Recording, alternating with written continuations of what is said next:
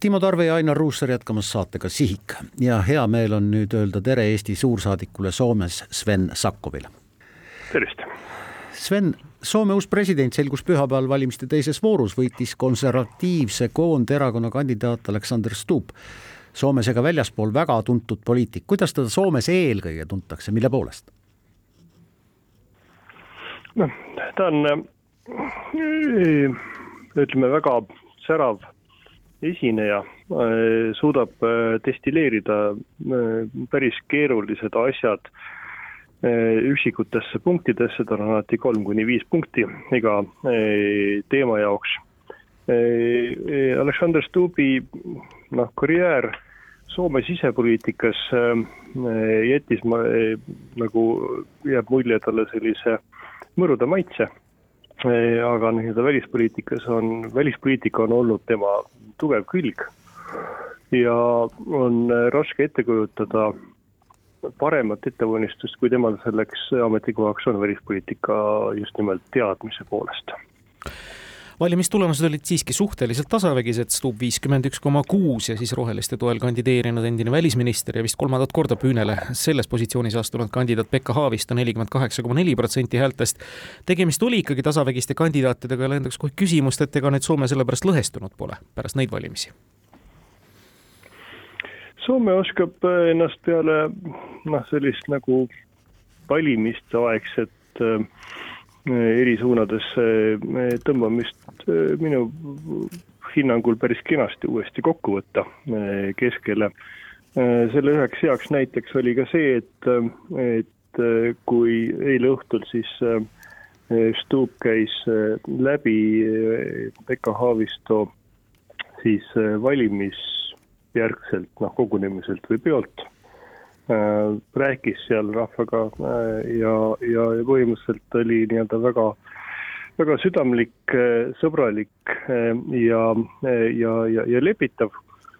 siis äh, noh, tegelikult äh, huvitav oli praegu selle teise vooru juures see, et valimisaktiivsus oli, oli langenud seitsmekümne viie protsendi pealt alla seitsmekümne ühe protsendi.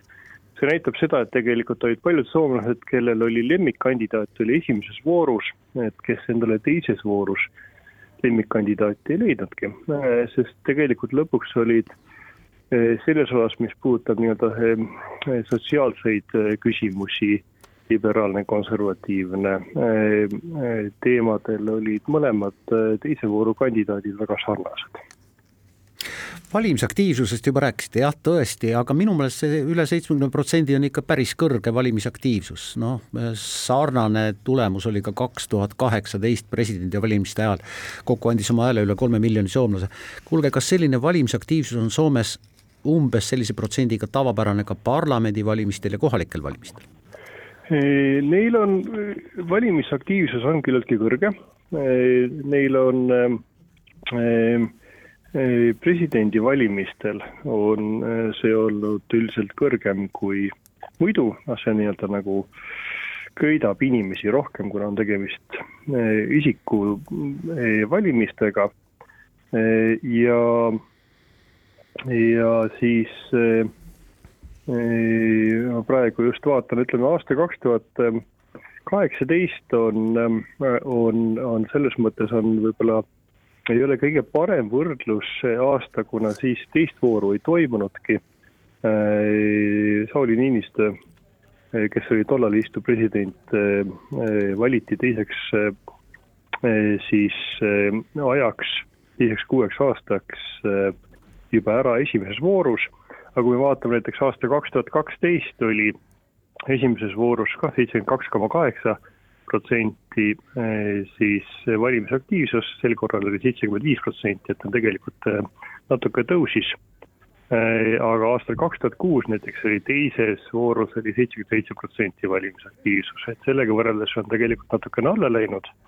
aga üldiselt endiselt kõrge jah, et osalevad oma riigi välispoliitika kujundamises valimiste teel Soome president on selline natuke naljakas institutsioon, ta on ikkagi rahva poolt valitud ja küllap on siis ka rahval presidendile omajagu erinevaid ootusi. samal ajal noh, pärast kahe tuhande kaheteistkümnendat aastat vist ja põhiseadusmuudatustega presidendi võim nii-öelda siseasjade üle väheneb, küll aga püsib ta üsna mõjus erinevates välispoliitilistes küsimustes. see, mida nüüd on Aleksander Stubbi ja üleüldse oleks ka Haavisto saanud presidendiks äh, räägitud, et algamas on täiesti uus ajajärk näiteks suhetes Venemaaga, mis varasemalt on olnud ju nii ja naa, aga nüüd on ikkagi ikkagi pigem nii?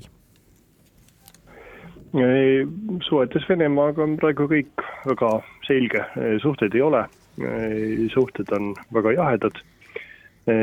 ja uus ajajärk on küll selles mõttes, et see on nüüd esimene kord, kui president valitakse NATO liikmesriigis Soomes.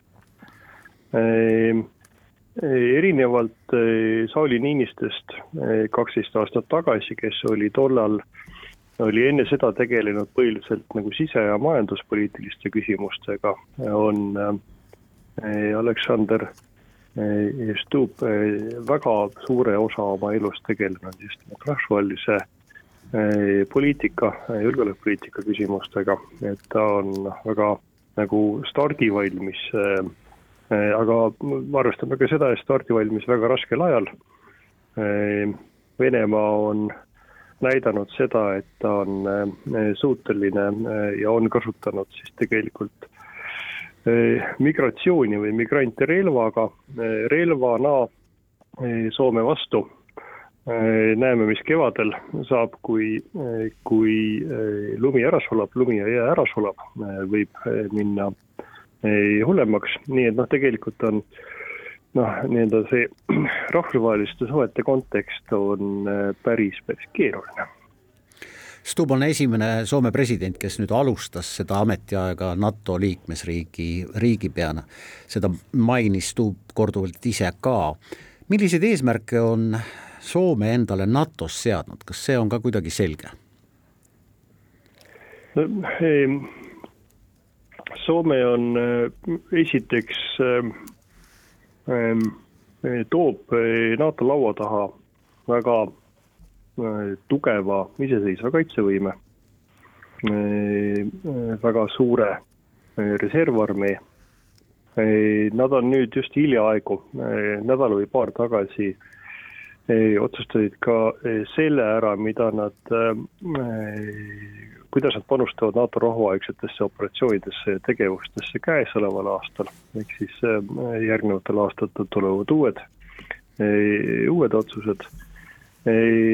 Neil on ikkagi pool NATO-Vene piirist on Soome-Vene piir, see paneb sellele oma pitseri mida siin NATO kontekstis ja diskussioonides Soomes alati räägitakse, on see, kuidas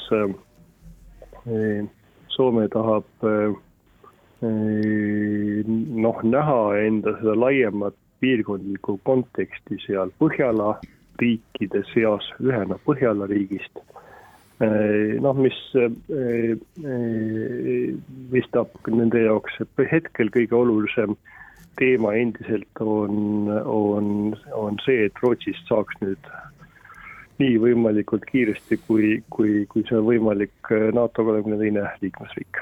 küsin veel äh, üldiste emotsioonide kohta, noh Eestis on julgeolek olnud äh, noh, varsti juba kaks aastat vaata et igapäevane teema. kuidas Soomes on, kas Soome ühiskonnas on julgeoleku arutelud laialdased, kas meedia pühendab sellele palju tähelepanu või on mingid muud teemad olulisemad? Soome inimesed, Soome ühiskond loomulikult julgeolekut tähtsustavad väga. siin selline diskussioon nagu, nagu teistsugune, Eestis on see rohkem noh, nii-öelda avalik, avalikkuse ees. Soomes proovida, toimub selline nii-öelda noh, julgeolekupoliitika põhisuundades kokkuleppimine pigem eh, kinniste uste taga ja nõnda, et kui vaieldakse, ei vaielda seda eh, avalikkuse ees, selleks on omad sellised ajaloolised traditsioonid ja kuidas see eh, on, on kujunenud. ehk et noh, seetõttu näiteks seda on palju keerulisem jälgida kui Eestis, kus on nagu väga selline noh, lahtine ja, ja avatud selline, selline diskussioon. Julgeolekut Soome, Soome ühiskond võtab väga tõsiselt mitte ainult sõjalist julgeolekut, vaid ka laiemat julgeolekut, mida me siis võiksime nimetada laiapindseks riigikaitseks Eestis. Soomes on väga sarnane kontseptsioon olemas laiapindsest julgeoleku käsitlusest, kus siis tegelikult ka sõja ajal julgeoleku tagamine ei ole ainult Kaitseväe ja Kaitseministeeriumi valitsemisala küsimus, vaid ühiskond tervikuna, kaasa arvatud tsiviilkaitse, variandid, varud, inimeste enda varud, riiklikud varud ja kõik noh, nii-öelda sarnane tegevuste valdkond võtavad väga tõsiselt ja praegu, eks ole, nagu ma ütlesin, kõige tõsisem hetkemure on kindlasti piir ja siis Vene-poolne migrantide instrumentaliseerimine või siis kasutamine relvana päris lõpetuseks üks kümne aasta tagune legendaarne tweet tuleb meelde. Aleksandr Stubb, valitud president, on väga aktiivne sotsiaalmeedias toimetaja ja säutsuja. aitäh, Toomas, kirjutas ta siis ja andis märku sellest, et Toomas Hendrik Ilves, kellega põhjanaabritel ei olnud väga head suhted Aleksandr Stubbiga, sai erakordselt hästi läbi. Aleksandr Stubb ja tema naabruspoliitika, ehk siis millal me võime teda siia oodata ja kui hästi või halvasti ta Eestist arvab? Ehm, kindlasti ta arvab Eestist väga hästi, tal on Eestis palju sõpru Äh, mitmeteist väga oluliste äh, kohtade peal. Äh, usutavasti on teda Eestisse oodata küllaltki pea peale seda, kui ta esimesel märtsil ametisse astub. kuupäeva ei julge veel välja pakkuda, aga reeglina ikkagi Soome uued riigijuhid esmalt Stockholmi lendavad ja, ja, ja seejärel Tallinnasse arvan, et nii läheb ka, ka sel korral. Stubb on seda ka ühel oma debatil öelnud, et ta soovib esimeste oma töönädalate jooksul, kui ta saab valituks, külastada Stockholmi, Tallinnat ja Washingtoni. suur tänu selle intervjuu eest, Eesti suursaadik Soomes Sven Sakkov ja edu põhjanaabritele! aitäh, head päeva!